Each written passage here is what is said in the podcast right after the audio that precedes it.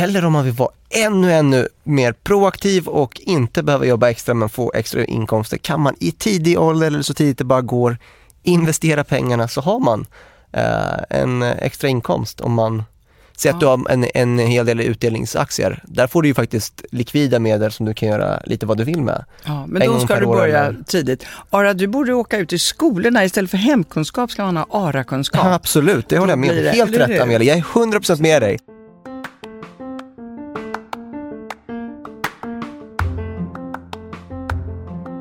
Det här är Fattig eller rik med mig Ara Mustafa och Amelia Adamo.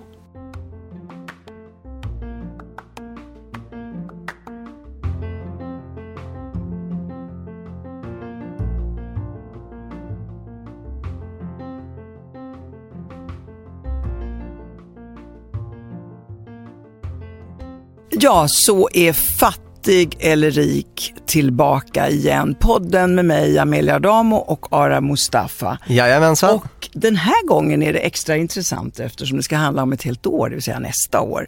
Och med oss här för att guida hur vi ska göra budgetar eller spara eller om vi ska vara slösaktiga har vi Maria Olsson, privatrådgivare på Handelsbanken. Välkommen. Tack så mycket, tack. Vad säger du då, är det ett bra år som kommer? Ja men absolut, och där är väl svårt att säga nu hur året ser ut såklart, eh, nu när vi precis står i början av det. Men det, är, det kommer hända ganska mycket det här året. Vi har en global oro som fortfarande ligger kvar. Det, vi har ett presidentval senare i höst. Det finns mycket som kan påverka både börsens utveckling och allmänt ute i, i ekonomin. så. Eh, tittar man på sparandet så tycker jag att det är viktigt kanske att nu se över ja, men vad sparar man till? Eh, har man ett kortsiktigt sparande, ett långsiktigt sparande och, och vad är målet för det? Men säger man inte alltid att det är väldigt mycket som kan hända nästa år, det är väldigt mycket som, eh, som är på gång. Hur, är det liksom mer än vanligt nu som händer eller? Men sista åren har ju börsen gått upp extremt mycket. Eh, det har gått väldigt bra, det har varit ganska turbulent till och från. När vi stod här för ett år sedan och tittade över 2019 så var det inte många som trodde att vi skulle få en, ett börsår som översteg 20 procent i uppgång. Eh, men det är klart att nu har det gått bra i väldigt många år och det skulle vara naturligt kanske om det kommer en sättning. Eh, sättning, det betyder att det går neråt? Ja. ja. Ja, men det har de ju sagt hela tiden, det här går för bra, det går för bra. Ja, och så har det varit ganska många år nu och det skulle ju vara det är väl lite dags kanske att det, att det händer 2020, någonting. men du, då innebär det Eh, om vi säger att det händer någonting där på börsen och hur påverkar det då min egen lilla plånbok? Mm. Eh, ska jag spara mer då? Ska jag vara beredd på att det är, kommer några såna här eh, nedgångar som mm. påverkar även min privata kassa? Ja, nivån på sparandet det måste ju alla sätta upp själva beroende på vad man har för pengar som går, går in och vad man har som går ut egentligen. Men framförallt kanske dela upp sparandet som man har. Eh, vad sparar man till den korta, eh, korta horisonten, alltså inom två år kanske. Vad är det man ska göra den tiden? Ta lite lägre risk på de, de placeringarna. Men sen vad är det man sparar på längre sikt? Och vad händer om börsen skulle falla 20% eller 50% Kan man ta den risken i de placeringarna som man har?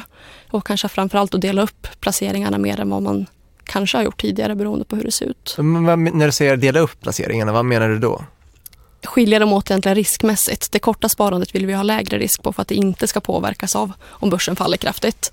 Medan det här längre sparandet, pensionen till exempel, där kanske vi vågar ta lite större risk i och med att det är så pass många år kvar tills vi ska använda det. Men rent konkret pratar vi ju då om en buffert, ett buffertkonto Ja. och ett långsiktigt sparandekonto. Ja, pengar du ska ha inom två år brukar vi säga att man ska men, ha på konto.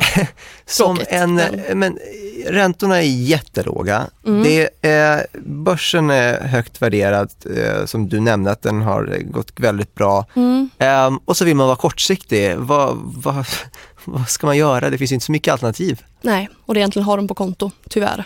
Eh, ger ingen jätterolig avkastning men hellre att stå med sitt kapital på konto och ha det tryggt än att börsen faller och värdet halveras till exempel. Det är inte lika roligt när du ska köpa din nya spis eller åka på sommarsemester till exempel. Utan då är det viktigaste oftast att man har faktiskt kapitalet där.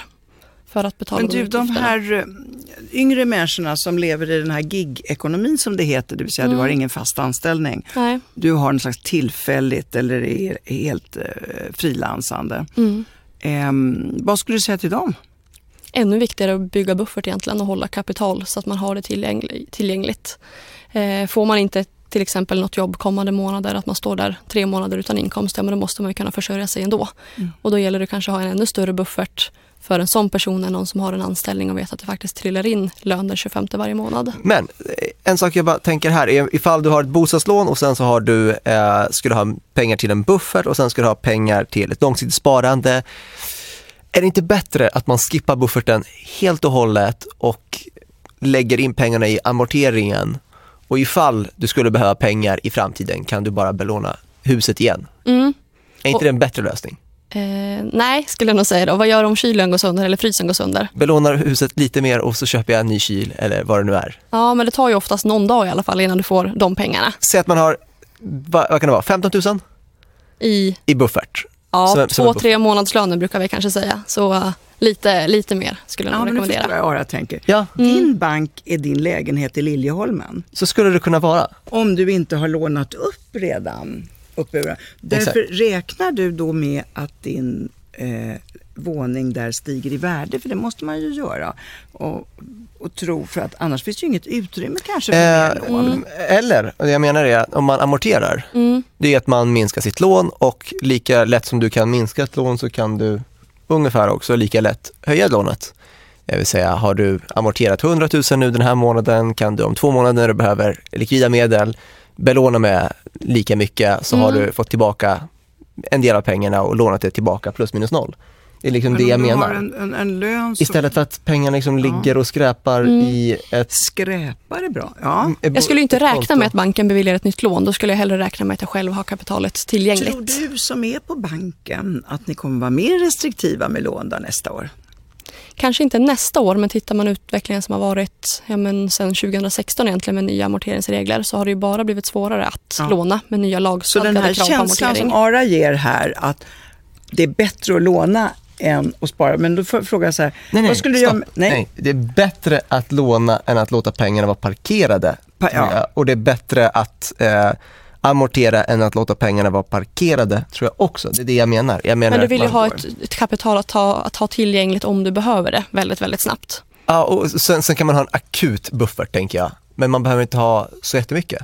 Men säg om du blir arbetslös eller byter jobb, banken kan inte Sjuk. bevilja ett lån. jo, absolut. sjuk, men vad ja. kan det ta att få ett beviljat eh, lån på... Men om, om, nu har jag en Ja. väldigt bra fråga. Mm.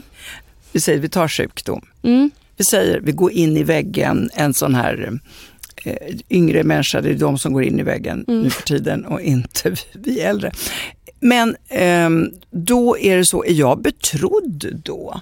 Får jag ta eh, nya lån? Då måste jag väl ha den där bufferten för att klara Mm. mig. Jag kommer till banken och är utbränd och vet inte riktigt när jag ska komma tillbaka. Hur god kund är jag då? Mm. Där gör vi alltid en individuell bedömning på kunden och inkomsten som man Ja. har.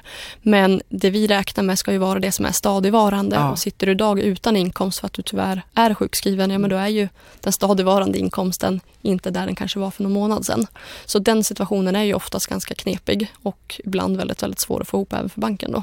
Mm. Så där gäller det själv att ha kapital och klara sig de månaderna. Du ser, Samma sak om man Lite byter jobb 15 000. kanske, Ja. står utan eller står med Ja. går in i en ny anställning med provanställning till exempel. Då är det också svårt att säga när får man inte får det jobbet kanske? Precis. Vad händer då? Då är det också en provanställning kanske tre månader eller Mm. sex månader eller tolv månader för vissa tjänster. Så är det ju en period där man kanske har lite svårare att få ett nytt lån. Mm. Samma sak har man bott i några år och kanske amorterat ner de sista åren, absolut. Men det har kommit lite nya amorteringsregler. Så har ju den situationen ändrats ganska mycket, hur mycket man kan låna idag jämfört med hur mycket man kanske kunde låna för två eller tre år sedan. Det är inte jätteroligt att ha en buffert, eh, men att lägga undan pengar så att man faktiskt har dem för att göra en rolig resa när kompisarna säger att de ska åka iväg eller när familjen vill ha någonting fint i julklapp eller vad det nu kan vara som dyker upp. Man hittar någonting som man verkligen vill köpa där och då. Det är ju de pengarna man också vill ha i en buffert. Man vill ju inte bara ha det för att spisen ska gå sönder för det, det är klart det kommer hända men det är inte jätteofta. Men man vill ju ha en buffert för de här roliga grejerna också. Men om man kikar på till exempel eh, en sak som händer i år, det är att pensionen eh, höjs. Eller Mm, pensionsåldern. Ja, pensionsåldern för lägsta. Ja, Eh, allmänna pensionen ökar från 61 till 62 år nu Precis, vi har även sett att det finns eh, mycket som talar för att det kommer att ske fortsatta ökningar Mm. till 2026 åtminstone Mm. och så vidare. Ehm, och jag tänker i och med att jag inte är nära pensionen inom närtid jag bara ser hur pensionsåldern ökar de närmaste åren så tänker jag att det kommer finnas möjligheter att höja pensionsåldern väldigt mycket för sådana som Mm. mig. Att Mm. det kan bli, vad kan det vara, 70 år eller något sånt. Ja, om du har otur kanske det blir så länge. Ja. Ehm, Och det har ju med bakgrund av att vi faktiskt blir äldre och äldre, friskare. friskare och friskare. Så att när man gick i pension tidigare och den pensionen man fick skulle ju räcka under x antal år. Tittar man nu och prognosen framöver så ska ju de pengarna räcka i betydligt le- fler år än vad det var tidigare. Vilket är anledningen till att man har höjt pensionsåldern. Så du ska väl kanske räkna med, ja, men vill du jobba till 70 eller vill du kanske... jag har inte så mycket till val om de ska höja. Nej, det gäller ju då att spara lite mer privat för Okej, att ha ja. råd att gå tidigare. Precis. Väldigt mycket av de här prenumerationserbjudanden, Mm. oavsett om det är Spotify, HBO eller vad det är för någonting, Bookbeat eller... Så när man lägger ihop alla de där pengarna så blir det ju plötsligt en hel del, men var och en för sig ser ju inte Ja, så precis. farligt ut. Nej. Men jag tror nästan det värsta är att många glömmer bort att de har prenumerationer som tickar på. Att man har gått in på någon, eh, man har fått en gratis månad och registrerat med kortet och sen så dras det en gång per månad. Jo men det ser man väl på Mm. sitt kort i alla fall. Ja, om man tittar på det- sitt kort, om man går och tittar på sina utgifter. Eh, Men det är många som inte gör eller så har man glömt bort liksom, ta bort det. Och, eh, Ja, men det gäller ju att se över vad är det man Exakt. faktiskt spenderar pengar på. Eh, använder man alla de TV-tjänster eller vad det nu är ha så man här, lägger Vad kan vi pengar på? förutse under nästa år? Finns det några nya rubriker du tycker man ska sätta upp i sin i, i, i sitt... i sin budget tänker du? Ja, just det. men det står väl inte krogbesök och sånt? Nej, det gör det ju ofta inte. Nej. Eh, jag tycker absolut inte glömma bort det här som är det roliga i egentligen en budget med nöjen, krogbesök, Ja. eh, Konsertbiljetter. ja, restaurangbesök, Mm. käkar man lunch ute eller har man matlåda med sig. De där kostnaderna som ofta blir ganska stora men som man inte riktigt tänker kanske ska Men vara man med i vill budget. inte tror jag. Nej, Nej. Och, där, och även det här ta med ja, men pensionssparande, kanske försöka ja, men när man får en löneökning att öka sparandet men också öka det roliga som man faktiskt får använda sig av av en budget. För att ja, men, man ska ju ha det mycket roligt på vägen också så det gäller ju att faktiskt spara pengar till roliga grejer också. Det är inte jätteroligt att ha en buffert eh, men att lägga undan pengar så att man faktiskt har dem för att göra en rolig resa när kompisarna säger att de ska åka iväg eller när familjen vill ha någonting fint i julklapp eller vad det nu kan vara som dyker upp. Man hittar någonting som man verkligen vill köpa där och då. Det är ju de pengarna man också vill ha i en buffert. Man vill ju inte bara ha det för att spisen ska gå sönder för det, det är klart det kommer hända men det är inte jätteofta. Men man vill ju ha en buffert för de här roliga grejerna också.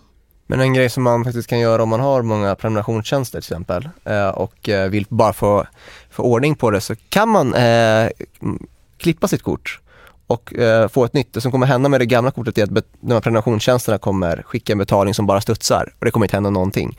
Så det nya kortet, det är en ny start, fräsch start, då får du sätta upp dina nya prenumerationer Men från, pågår från prenumerationen menar du utan att jag betalar? Eller Nej, men- nej, nej, det det kommer- exakt, att det de inte får betalt? När, när det väl är dags för att betala så kommer det inte finnas Ja men då kommer Mm. Intrum Justitia och Kronofogden Nej, nej, nej, kanske nej. och knackar De, på de kommer inte eftersom du kommer, prenumerationen kommer inte fortsätta när du inte kan betala längre. Du kommer inte hamna hos det, blir Intrum. en, det är en automatik. Exakt, alltså. Det går exakt. Betalningen kommer bara studsa, den prenumerationen kommer avslutas. Du kommer kunna börja med nya prenumerationer Mm. från noll eh, med ditt nya kort. Eller enklare, kolla kontoutdraget. Ja, se så kan man också finns. göra. Ja. Vi, tar, vi hade ju då sätt. Jonathan Unge här som lider av räkningsskräck. Ja. Han öppnar inte ens kuverten, då blir det svårt. Mm. Men jag vet till exempel att eh, Eller kuverten får man inte idag utan han öppnar inte in och bila, loggas bilaga det är inte alltid så lätt. Jag vet att Spirit Airways eh, som eh, jag flög med för inte så länge sedan. De har en, det eh? Spirit är USA. De är, det är som Ryanair för Aha. Nordamerika. Okej. Eh, och de har en eh, klubb för 60 dollar per år så eh, får man lite billigare flygbiljetter och det blir så pass billigare att det till och med så att det är värt att köpa det här medlemskapet på första biljetten för att den biljetten blir så mycket billigare. Men de har en prenumerationstjänst för de här 60 dollar per år, så den dras varje år. Och det är väldigt lätt hänt att man gör det här när man ska resa där och så glömmer man att avsluta prenumerationstjänsten för den kommer dras nästa år automatiskt. Så det är inte alltid så lätt att man kan kika på kontoutdraget för varje månad utan det kan bara komma en 600 kronor har nu gått till Spirit Airways igen fastän jag har inget intresse av att vara med i den klubben ett år till. En sak som jag har tänkt på det är att eh, många av oss som är i min ålder har fått hjälp av eh, sina föräldrar för att köpa sin första bostadsrätt och det innebär ju att det någonstans sitter ett par föräldrar som börjar komma upp i pensionsåldern som har haft sitt hus, amorterat kanske jätteduktigt, plötsligt så belånar de den på 2-3 miljoner till för att hjälpa en eller två ungar Mm. att flytta ut. Nu är det dags kanske för pension eller snart dags för pension och de har inte så mycket eget kapital när det kommer till sin bostads, eh, bostad. Vad, är de, vad ska de tänka på? Mm. Och där behöver man kanske gå tillbaka och titta lite, men hur, vad gjorde man för upplägg när man tog de här lånen? Eh, står man med på sina barns lån? Är det den typen av upplägg? Har barnet fått sin anställning? Har hon den lönen som krävs för att ta över det lånet ensam? Eh, ja, men be barnet att skicka in en ansökan till sin bank om hon faktiskt får ta över det lånet ensam. Ja, men då är du fri där som förälder.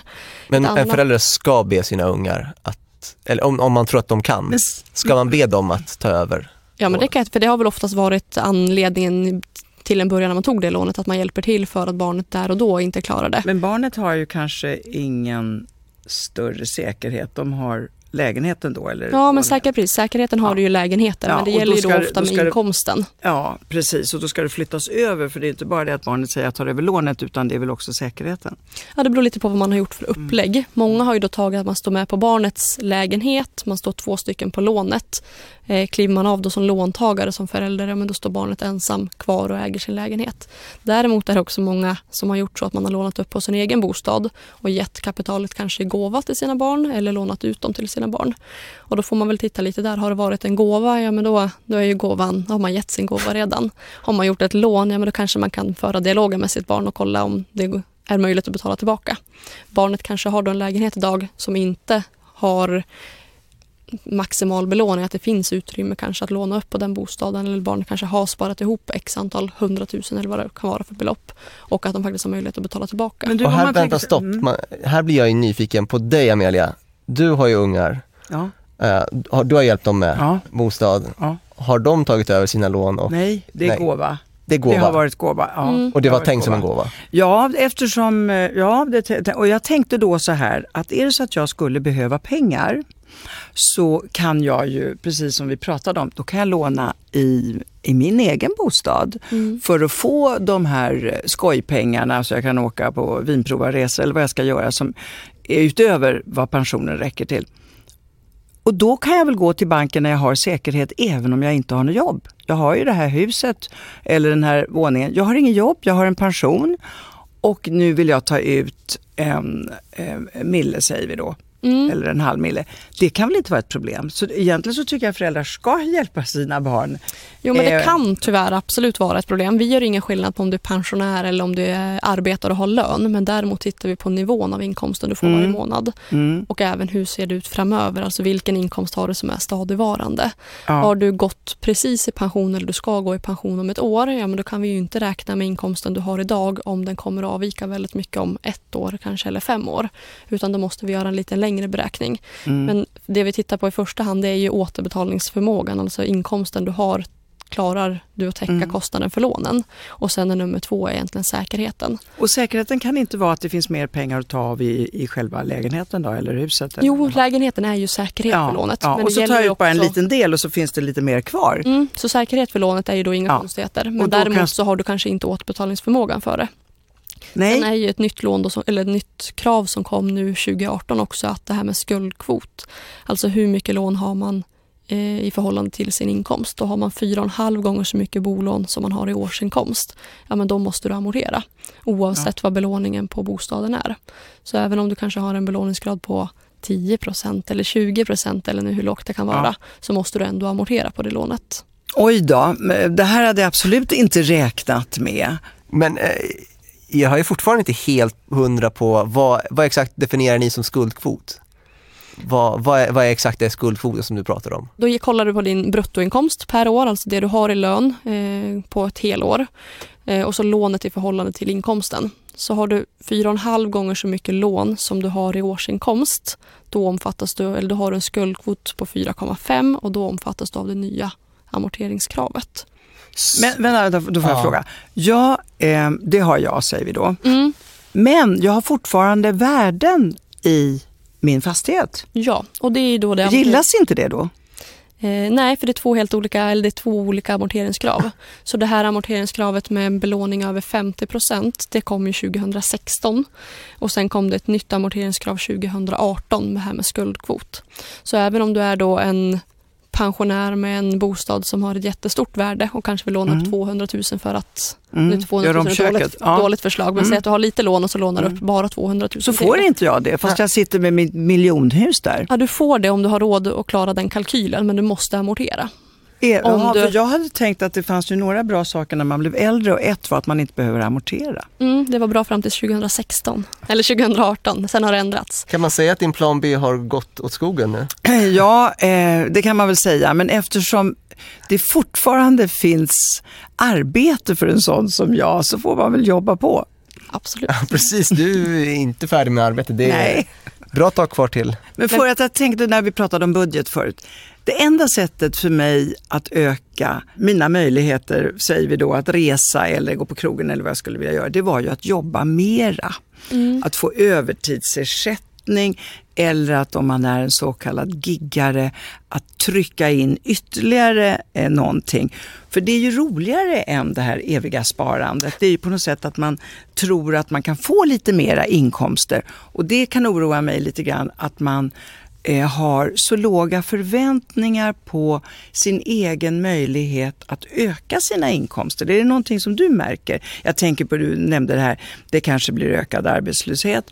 Man känner någon slags sån här miljöstrypgrepp vad, vad, vad kommer det betyda för min plånbok? Och jag som har en dieselbil, eh, kommer den ha något värde? Då har det förut alltid varit så i min skalle. Ja, men jag, jag jobbar lite mera. Är det någonting som ni säger på banken? Ja, men jobba mera då.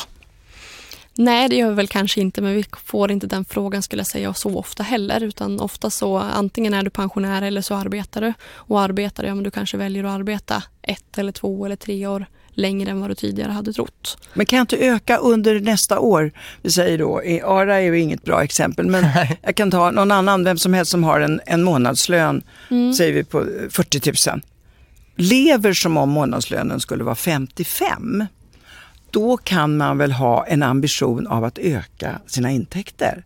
Absolut. Men sen ska ju timmarna på dygnet också räcka till för den typen av arbete. Har du en heltidsanställning med fast lön varje månad, ja men då är det kanske svårt att klämma in ett arbete till. Jag kan väl Men, jobba eh, lördag, det gjorde man ju förr i tiden. Ja, kan du göra absolut. Ja, men det finns få, få Ja, men man måste ändå kunna för att känna- vi blivit lite för lata. Nej, men jag, jag tycker att det är så sällan man hör argumentet, nu menar inte jag de här techmiljardärerna som jobbar 120 timmar, utan jag menar att vi idag har pratat hela tiden om minskad arbetstid, minskad arbetstid, samtidigt som vi ökar det, vår, våra utgifter och det går ju inte riktigt ihop. Nej. Och då kunde man ju förut, eh, särskilt om man kanske var inom vården, då sätter man in några extra timmar. Jobbar man natt, man la till någonting som gjorde att ens inkomst ökade. Det tycker jag är väldigt sällan man hör idag.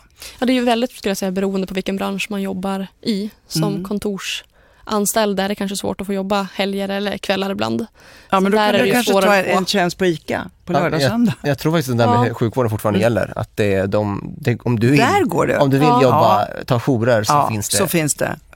Annars lottar man ut Ja. eh, nattjourerna. De är inte populära. Jag menar inte att vi ska komma till det där som är i USA, att man har tre jobb för att hålla näsan ovanför vattnet. Men eh, det kan ju vara så att om man har mycket utgifter så kan man ju också fundera på hur ska jag öka mina intäkter? Mm. Eller om man vill vara ännu, ännu mer proaktiv och inte behöva jobba extra men få extra inkomster. Kan man i tidig ålder eller så tidigt det bara går investera pengarna så har man eh, en extra inkomst om man Säg att du har en, en hel del utdelningsaktier. Där får du ju faktiskt likvida medel som du kan göra lite vad du vill med. Ja, men En då ska du år börja eller- tidigt. Ara, du borde åka ut i skolorna. Istället för hemkunskap ska man ha Ja, ARA-kunskap. absolut, det håller jag med om. det, Helt eller rätt? Amelia, jag är 100% med dig. Ja. Sen ska du passa på, eh, ändå när vi pratar om hur man sparar eh, pengar på ovanliga sätt, med tanke på att det kommer ett nytt år och ja, man kanske vill göra mycket för pengarna.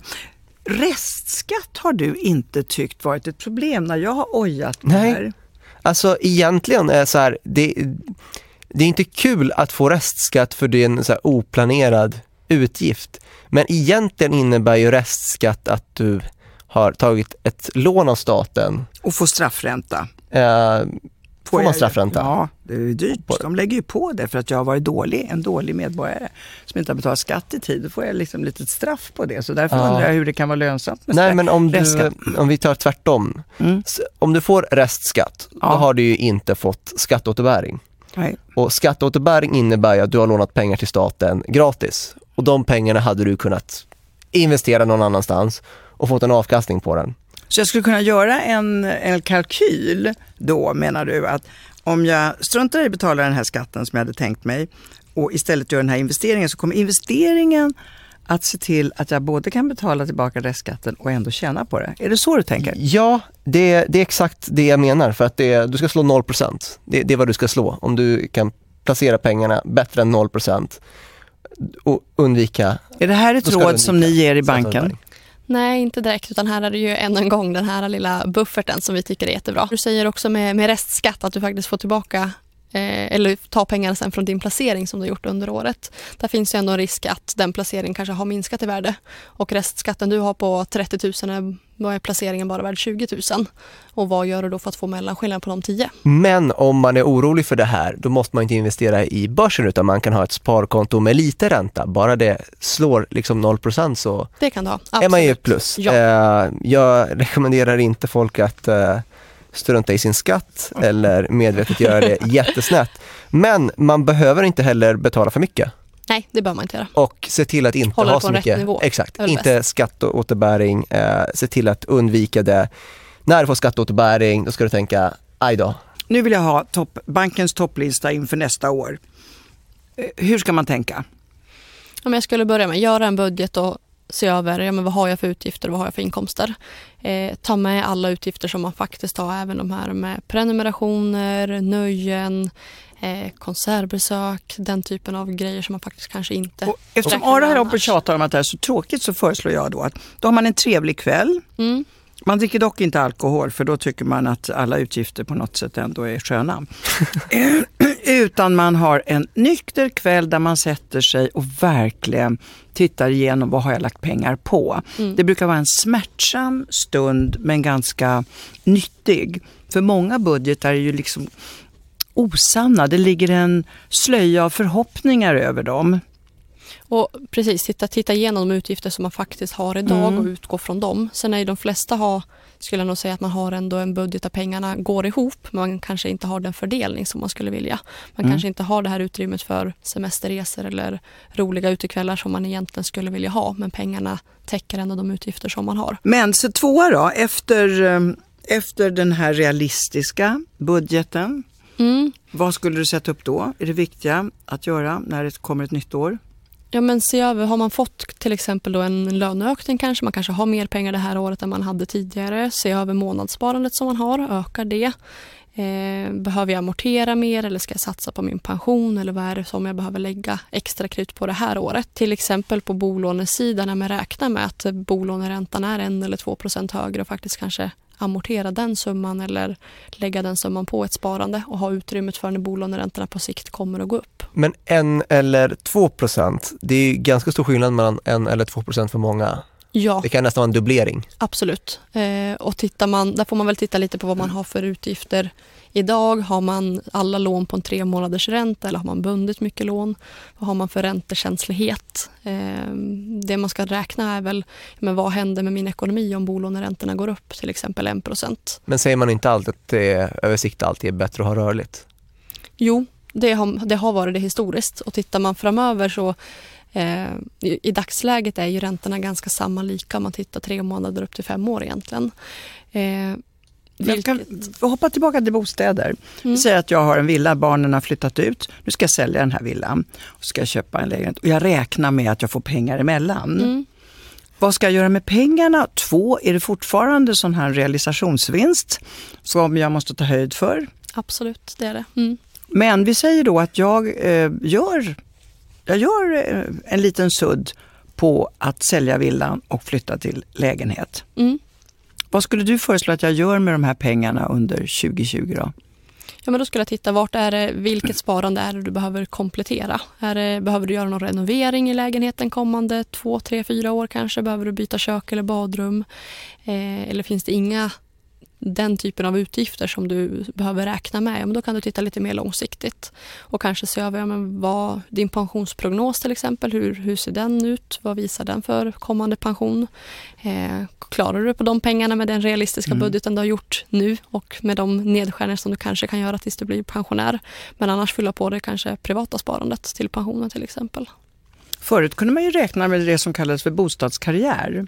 Mm. Det kan man väl inte riktigt räkna med idag? Sista åren har ju varit lite upp och ner. Det har det mm. varit. Det har ju varit ganska stabilt sista tiden och det har på vissa håll gått upp lite grann i alla fall. Men det har ju inte alls varit samma kraftiga uppgång som det var om man tittar tio år tillbaka. Nej.